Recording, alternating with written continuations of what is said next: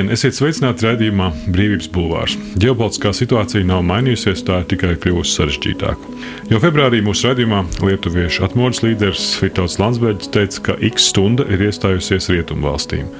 Pirms nedēļas savā sociālo mediju kontā publicēja vēstuli valsts augstākajām amatpersonām teātris režisors Alvis Hermans, kurš jautāja, kāpēc mūsu valsts vadība joprojām nav veikusi nekādu sabiedrības instruktāžu vai devusi jebkādus norādījumus, ko konkrēti katram no mums darīt X stundas gadījumā.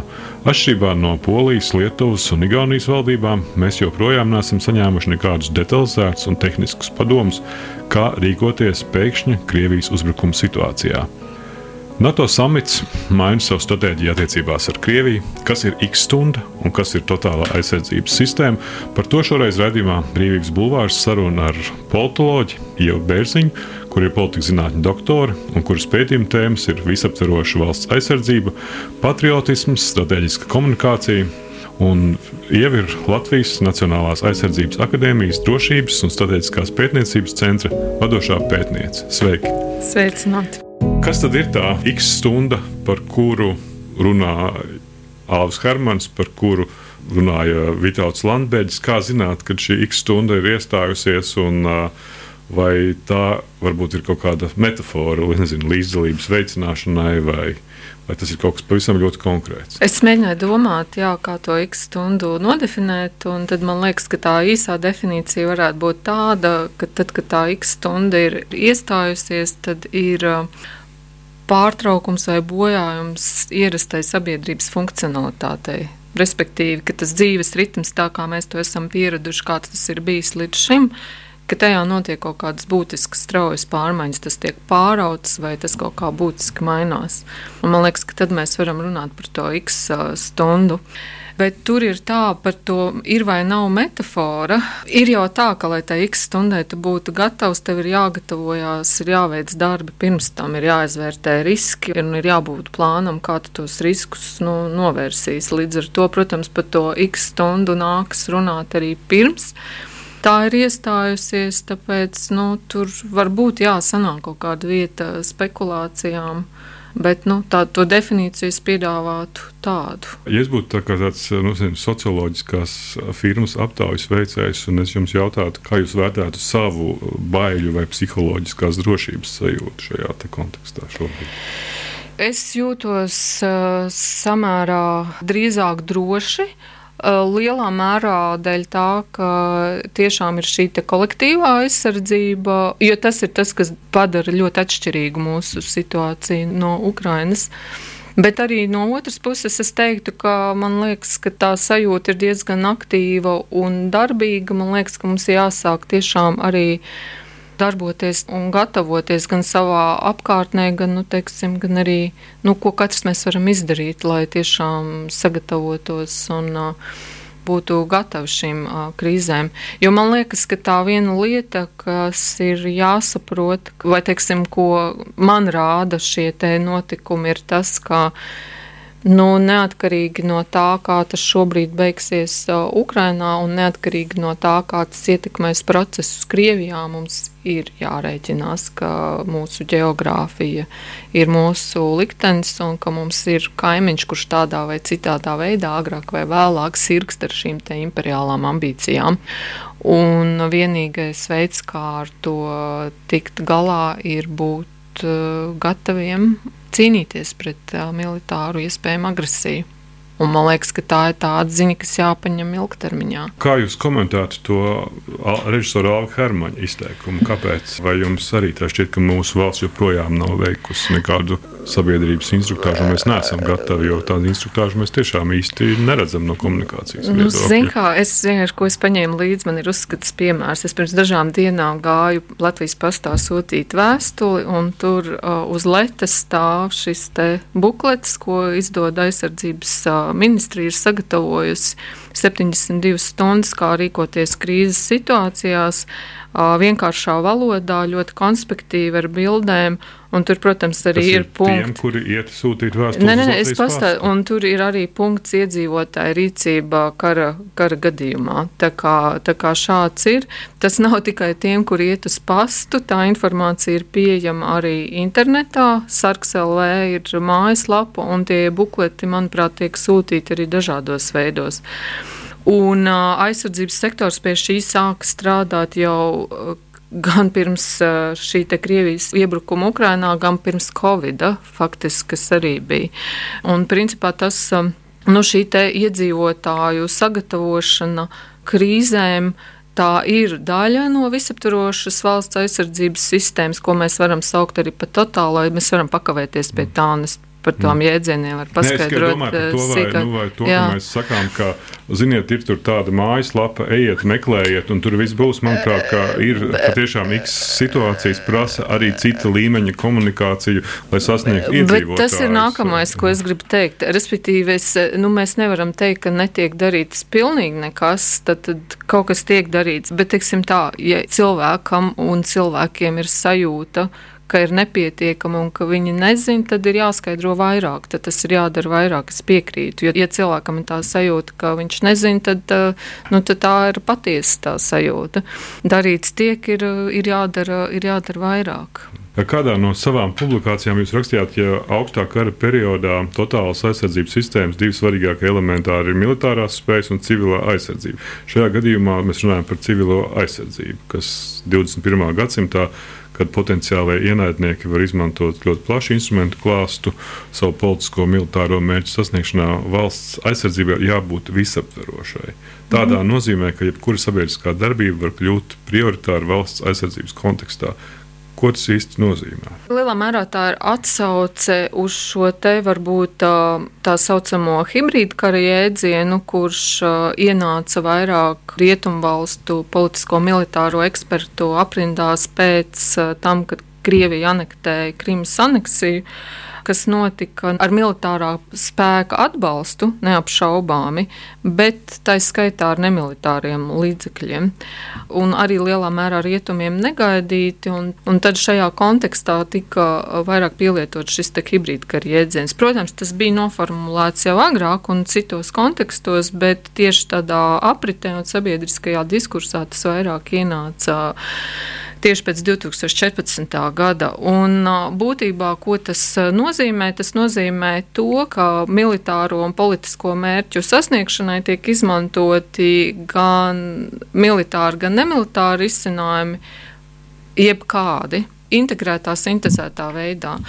Faktiski tā koncepcija pat vairāk ir kā nu, tādā militāra aspektā radusies, ka tu kombinē gan konvencionāls, gan nekonvencionāls kara darbības paņēmiens, bet vairāk šajā 21. gadsimta kontekstā tur, protams, nāk klāt arī šī nemilitārā komponente. Tas, ko mēs diskursā varbūt kļūdaini darām, ka mēs atkal pārliekam vai ne, tad, kad aizieties svari tādā virzienā, ka mēs domājam, ka hibrīdkarš ir principā nemilitārs un liek liekam vienlīdzības zīme ar informācijas karš, kas arī nav korekti. Tur ir gan militārie, gan šie nemilitārie risinājumi. Nu, un, principā, ja mēs skatāmies, kā mēs, mēs esam mēģinājuši saprast un analizēt to, kā Krievija vada karu, tad ir šī te Krievijas šī te bruņoto spēku vadītāja ģenerāļa Gerasimova publikācija 2013. gadā, no kura atsaucās liela mm. tiesa skaidrojot, ja kā tad Krievija vada šo te kara darbību. Un, uh, tur ir tāda schēma, kurā nu, cita starpā ja, tad, tad ir arī uh, tas viņu redzējums, ka mūsdienu apstākļos šis nemilitāro uh, risinājumu uh, īpatsvars attiecībā pret militāriem ir 4 pret 1. Nu, respektīvi, ka nemilitārie risinājumi tiek pielietoti četras reizes vairāk. Eh, tas ir teiksim, finanses, kultūra, tāpat veselība. Ir iespējams padarīt par karadarbības instrumentu jebkuru sabiedrības dzīves sfēru. Bet, un, protams, tagad eh, pēc 24. februāra notikumiem atkal es domāju, ka mēs atgriežamies. Nu, tas viss tādā Bet militārā plāksnē. Tā viltīgā lieta ir tā, ka uz to var paskatīties tā un uz to var paskatīties tā. Un, man liekas, tas, kas ir Latvijas sabiedrībā tā lielākā problēma, kas ilgstoši ir bijusi, un es domāju, kas mums rada problēmas, ir, protams, šī ilgstošā Krievijas uh, Kremļa kontrolēto mēdīju satura klātbūtne. Un atšķirībā no rietumu valstīm, kurām teiksim, bija šie mērķēti speciāli šie ārti un spuķņi, tad mēs esam lielā mērā dzīvojuši Krievijas nu, iekšējo mediju telpā nu, ilgtermiņā skatāmies, tad apmēram ceturtā daļa TV laika patēriņa bija tieši šie Krievijas federālie televīzijas kanāli. Un tas ilgtermiņā ir, ir radījis to, ka mūsu sabiedrībā ir diezgan atšķirīgi uzskati par to, kas vispār notiek realitātē, un kas ir draudi, kas nav draudi, kam var uzticēties, kam nevar uzticēties, un tā neapšaubām ir problēma. Augstākā perioda totālās aizsardzības sistēmas divi svarīgākie elementi bija militārās spējas un civilā aizsardzība. Tad 21. gadsimtā, kad potenciālie pretinieki var izmantot ļoti plašu instrumentu klāstu savu politisko un militāro mērķu sasniegšanai, valsts aizsardzībai ir jābūt visaptverošai tādā nozīmē, ka jebkura sabiedriskās darbības joma var kļūt prioritāra valsts aizsardzības kontekstā.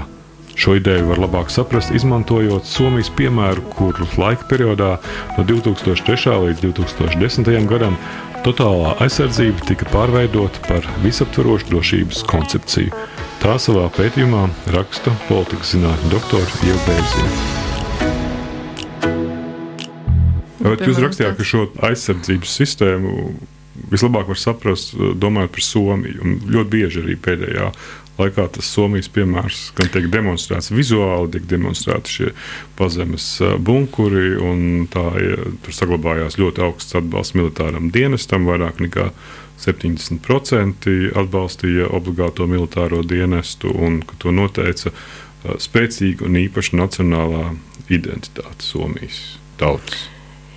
Jā, bet īsnībā ne tikai Somija. Faktiski šis totālās aizsardzības etalons īsnībā ir Šveice.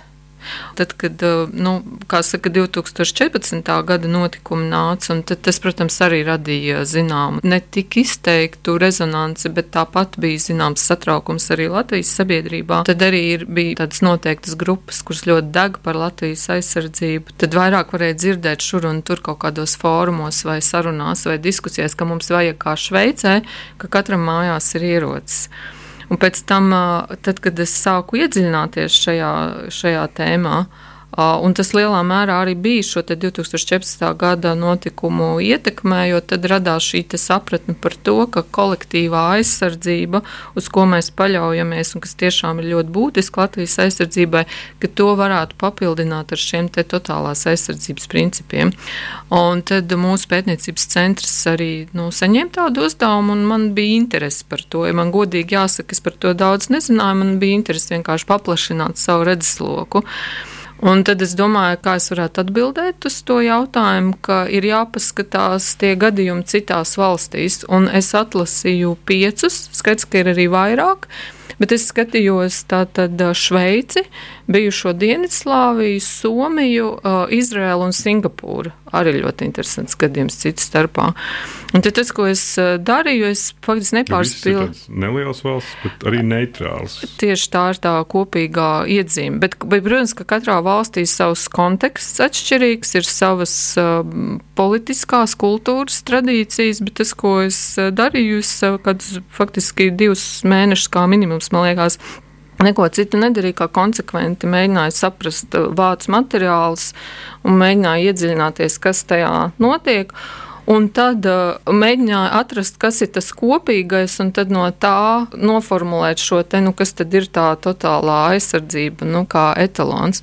Un tad, kad es to iedziļinājos, tad manā skatījumā šis, ka mums vajag kā Šveicē, tad es teicu, ka nē, mums drīzāk vajag kā Somijā. Jo tas ir Šveicē, tāpēc, ka Šveicē ir tas modelis, viņš ir kā etalona modelis, bet, un to ņēma kā paraugu gan bijusī Dienaslāvija, gan Izraela, gan arī pēc tam Singapūra skatījās skatījās, kas notiek Izrēlā. Bet Šveicē ļoti tas modelis veidojās dēļ ļoti šīs īpatnās politiskās kultūras, kas ir demokrātija, faktiski tiešā demokrātija un tīri baidoties no tā, lai kāds neuzurpētu varu, tad viņi gāja šo ceļu, ka nav patstāvīga armija, bet ir pilsoņi karavīru koncepcija, ka katrs ir katram šī individuālā atbildība aizstāvēt valsti un tad vajadzības gadījumā nu, tad visi mobilizējās.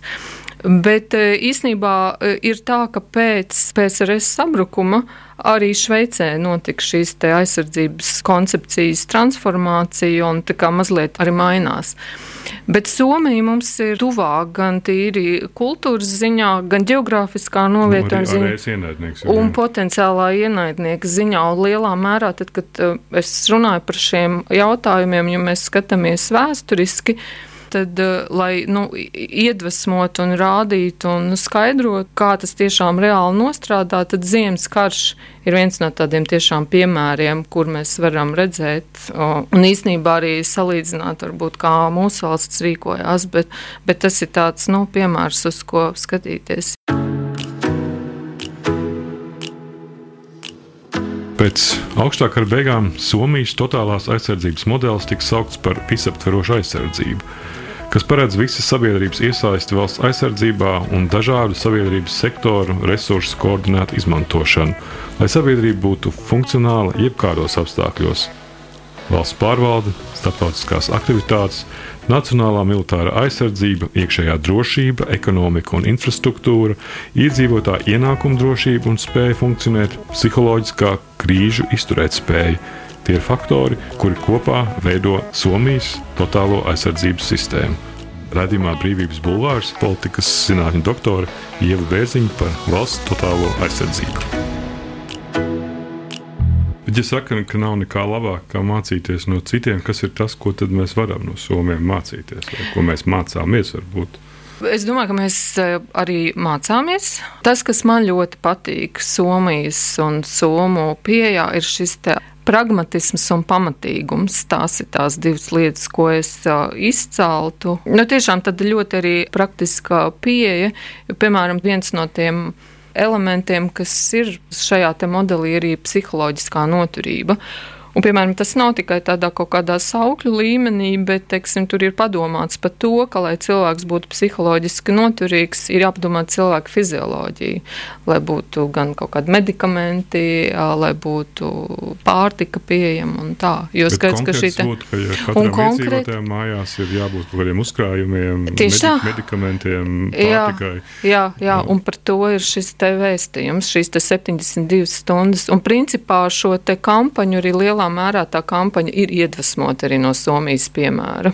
Tur arī ir tieši šī 72 stundas. Ko man šķiet arī interesanti, ja? ka Somijas, mm -hmm. ko jūs rakstāt arī šajā konspektā par Somijas totālo aizsardzības sistēmu, ka būtiski faktori reizē ar šo psiholoģisko krīžu izturēt spēju arī ekonomika, infrastruktūra, iedzīvotāja ienākuma drošība un spēja funkcionēt, respektīvi, jomas, jo mēs parasti domājot par šo totālo aizsardzības sistēmu, uzreiz domājam, nezinu, tur aizsardzības ministrija, fabriks un tā tālāk. Jā, jā, jā, tas ir tas galvenais vēstījums, ka īsnībā, ka šī te valsts aizsardzība, ka tā pārkāpja aizsardzības sektora robežas mūsdienu izpratnē.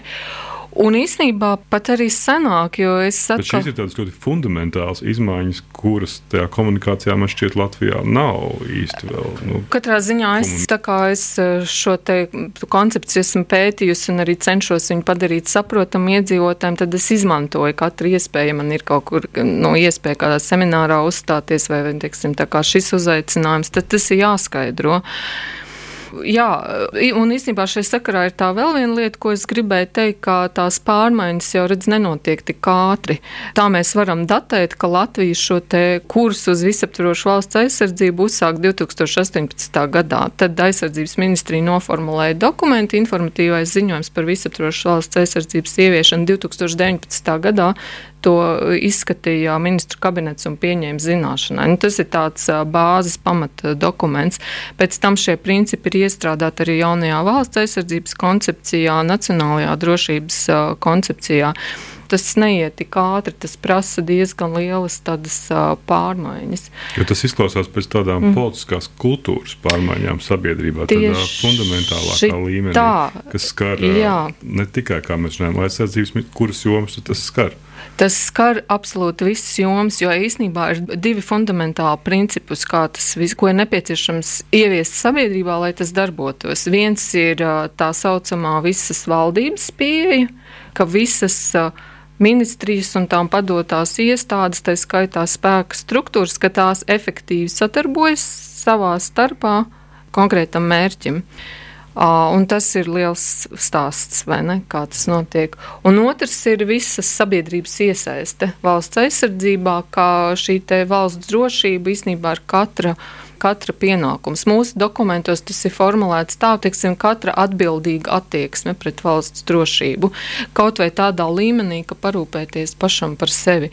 Bet tieši tā tas prasa diezgan lielas pārmaiņas domāšanā un tajā, kā mēs esam pieraduši darboties, kā mēs esam pieraduši attiekties cits pret citu un pret valsti arī tā skaitā. Viens no būtiskiem priekšnoteikumiem Šādas visaptverošas aizsardzības sistēmas ieviešanai ir vienojošs vērtību pamats, jo vērtības ir ideāli un principi, kas nosaka cilvēku uzskatus, attieksmes un rīcību. Sabiedrības brīvprātīga iesaiste valsts aizsardzībā var notikt tad, ja tā ir gatava uz nesautīgu rīcību attiecībā pret valsti. Līdz ar to visaptverošas valsts aizsardzības kontekstā aktualizējas plašs jautājumu lokus par valsts un sabiedrības attiecībām. Tā savā pētījumā raksta Ieva Bērziņa. Cik lielā mērā šī uh, totālā aizsardzības sistēma, um, kuru ir nepieciešams izveidot, uh, varētu apdraudēt, ierobežot demokrātiskas vērtības? Manuprāt, šeit gan es īsti kā reiz demokrātiskā vērtībām riskus neredzu. Drīzāk pretēji, ka tā sistēma labāk darbotos, ja mums būtu spēcīgāka un konsolidētāka demokratizācija. Jo tā visas sabiedrības iesaiste valsts aizsardzībā, tā prasa to spēju pašorganizēties un sadarboties. Un tā ir viena no prasmēm pilsoniskajās kompetencēs, ko iegūst pilsoniskās Uh, izglītības procesā. Un ar šo pilsoniskumu un pilsonisko aktivitāti Latvijā mums ir diezgan liels uh, problēmas. Vēsturis. Ja mēs varam secināt, ka mums ir samērā zema vēlēšana aktivitāte, tad mēs varam jau paredzēt, ka iedzīvināt šo totālo aizsardzības sistēmu ir zināms sarežģījums. Nu, tā man ir hipotēze. Es nevaru Jā. to pierādīt, bet uh, šķiet loģiski, ja cilvēki spēj uh, sadarboties, lai risinātu kaut kādas politiskas, pat sadzīviskas problēmas, ka tad viņi spēs efektīvi sadarboties un rīkoties arī krīzē. Nu, tas būtu pārbaudāms pieņēmums, bet viņš liekas diezgan loģisks. Nu, man vismaz viņš šķiet loģisks. Nu, atceros. Mēs runājām par studijā ar Dainu Ivānu par šo pašu X stundu, un viņš stāstīja par šo barikāžu laiku. Viņš teica, nu, neprecīzi varbūt citējot, bet pēkšņi viņi visi saradās tajā Rīgā ar tām mašīnām. Kaut kas notika, un viņi visi pēkšņi tur bija. Un tas ir jautājums par to, ka varbūt kaut kādā eh, zemapziņas līmenī šī pašorganizēšanās tomēr nu, Latvijas politiskā kultūrā pastāv cilvēki. Jā, es piekrītu, bet tas ir tāpat kā to gatavošanos Sikstonu. Nu, vismaz... Protams, nevarēja nolikt tautas fronts nozīmi, jo tā bija reģionāls tīkls tomēr. Par to es stāstu, un es domāju, ka ir, būtu drošāk, ja mēs tiešām zinātu, ka mums šie tīkli būtu, un šis sociālais kapitāls, ko sauc sociālajā zinātnēs, nevis, kad nu, mēs eh, zinām, nu gan jau pašorganizēsies. Ļoti augsta varbūtība, ka pašorganizēsies, bet es domāju, ka tas būtu labāk, ja tās saites un tīkli būtu jau izveidoti un būt cilvēkiem tā pleca sajūta. Tas, tas tāpat kā, piemēram, pieauga krīzēs politiskā uzticēšanās. Tas bija viens, ko varēja Covid pandēmijas laikā novērot. Un, un ir pat literatūrā tāds pat fenomens kā rally around the flag, jeb pulcēšanās ap karogu krīzes situācijās. Bet kā man šķiet, ka drošāk un efektīvāk būtu, ja mēs par to mēģinātu saprast, kas ir tie faktori, kas nosaka, kāpēc tā politiskā uzticēšanās Latvijā ir salīdzinoši zema, un mēģināt meklēt risinājumus, kā to uzlabot ilgtermiņā, jo tad man liekas, ka tā politiskā sistēma būtu noturīgāka arī krīzēs. Bet nu, atkal tas tādā pieņēmuma līmenī man tas vienkārši tā šķiet. Radījums Brīvības Bulvārs. Sarunas par to, kas notiek un ko mēs par to varam domāt. Ja mēs zinām, ka šis ir mums vēlēšanu gads, ja mēs zinām šo ģeopolitisko situāciju, tad ar visām šīm analoģijām, gan par krāsaino revolūciju Ukrajinā un ietekmēšanu, un, un tām kampaņām, kuras šeit ir realizētas pēdējos gados, kas ir tie uh, nu, riski, uz kuriem jūs norādītu, kuriem mums būtu jāpievērš uzmanība tuvāko mēnešu laikā? Un es domāju, ka to arī dara. Uh, ir jāstāsta kāda ir tā ārvalstu ietekme, bet es domāju, ka to dienesti noteikti arī dara un kaut kādā veidā monitorē. Nu, pamatā tā ārvalstu ietekme, man liekas. Bet otrs arī, zina, kas te vēl, man liekas, ir. Te vēl viens ir tāds smarīgs, svarīgs moments arī tā, kā jau es teicu, šī te atbildīgā attieksme pret valsts drošību. Tā ir vajadzīga arī no politiķu puses saprast, vai teiksim, kaut kādi tie tavi vēstījumi un uzbrukumi politiskam konkurentam, vai tas negrauj kaut kādu šo uzticēšanos un valsts sabiedrības attiecības kopumā. Šajās vēlēšanās es... ka lielais mērķis ir svarīgāks par kaut kādām tur. Nu, es aicinātu uz to, Jā. jo tā ir tāda arī viena tā problēma. Arī, teiksim, mēs ar kolēģiem no Vidzemes augstskolas pētījām valdības krīzes komunikācijas efektivitāti Covid-19 pandēmijas laikā. Un arī tā pieeja mums bija tāda, ka mēs nu, mēģinājām ne, gan ne tik daudz vēstījumus, bet saprast to procesu, kā tas notika. Un tad nu, vairāk šie komunikācijas profesionāļi, kas tajā strādāja, tīri nu, norāda uz to, ka varētu teiksim, tās krīzes risināt efektīvāk, ja politiķiem priekšplānā nebūtu kaut kādas savas partijiskās intereses. Nu, tas ir tāds aicinājums domāt valstiski un atbildīgi arī no politiķu puses. Es paskatījos datus, kas bija publicēti pēc 14. gada pēc Krīmas aneksijas par tām mācību trauksmēm un sirēnām. Izrādījās, ka pusi iedzīvotāji tam vispār, vispār nesadzirdēja, nesaprata, kas ir jādara. Un tas jautājums, vai tagad, ja būtu šādi jautājumi, vai tas būtu kaut kādā ziņā mainījies, vai tas arī ir tas gatavošanās darbs? Man liekas, ka tas ir gatavošanās darbs, jo te ir ļoti labs piemērs no Singapūras. Es varu pastāstīt, un tas ir tas, ko es arī lekcijās rādu. Piemēram, Singapūrā ir šie trauksmes signāliem, ir, ir trīs dažādu veidu signāli. Viens uh, signāls saka, ka ir jāieslēdz. Uh, plašsaziņas līdzekļi, otrs saka, doties uz patvērsmi, un trešais, ka krīze ir beigusies. Tad, tad. Un tas, ko Singapūra saka, šī totālās aizsardzības sistēma arī ir tāda, nu, kur vērts paskatīties. Viņi ir vienkārši perfekti šajā mārketingā. Ir dažādi veidi, kā viņi tieši skaidro cilvēkiem šos signālus ar dažādiem YouTube video un citiem dažādiem paņēmieniem. Jā, pirms laika man šķiet iznāca grāmata, ko sastādīja Rosāža Žaneta Ozoliņa, kur bija tieši pētīts tā Latvijas reģiona un pašvaldību spēja mm koordinēt tieši tādai pašaizsardzības nu, mērķiem. Un tas viens no secinājumiem bija, ka tā koordinācija ir ļoti zema tieši tajā attiecību modelī valsts centrālā vara un reģiona. Tur, tas bija viens no secinājumiem, no šī pētījuma varēja nu, rast, kas, manuprāt, ir, nu, ir ļoti būtiski. Uh, nu, lai šādu vispār pašaizsardzības modeli realizētu. Nu jā, un tas iet zem tās sadaļas, ko es saucu par šo te visas valdības pieeja. Tas tā skaitā, ka spēja arī tas tiek centrālā šī, šī varas. politikas joma nav manas partijas joma, un tāpēc. Uh, nu redz, un te ir tas, tas, ko es arī to vēlēšanu kontekstā teicu, tas, kas mums jāmaina tai domāšanā, ka nevar skatīties šauri resoriski vai šauri partijiski, bet būtu jāskatās no valsts interešu viedokļa viedokļa, kā ir labāk valstī un sabiedrībai kopumā. Nu, tas tāds ideāls un naivums kaut kādā ziņā, bet, bet citādāk jau nevar. Jā, bet Citādāk tas nestrādā. Tā ir force majeure situācija, kur nu, jā. mēs nu, nevaram arī ar tādu ironiju tikai attiekties nu, jā, jā, jā, pret, pret kādiem šādiem ideāliem. Tāpēc jā. es viņus saku apzinoties jā. to, ka tas lielā mērā ir naivi.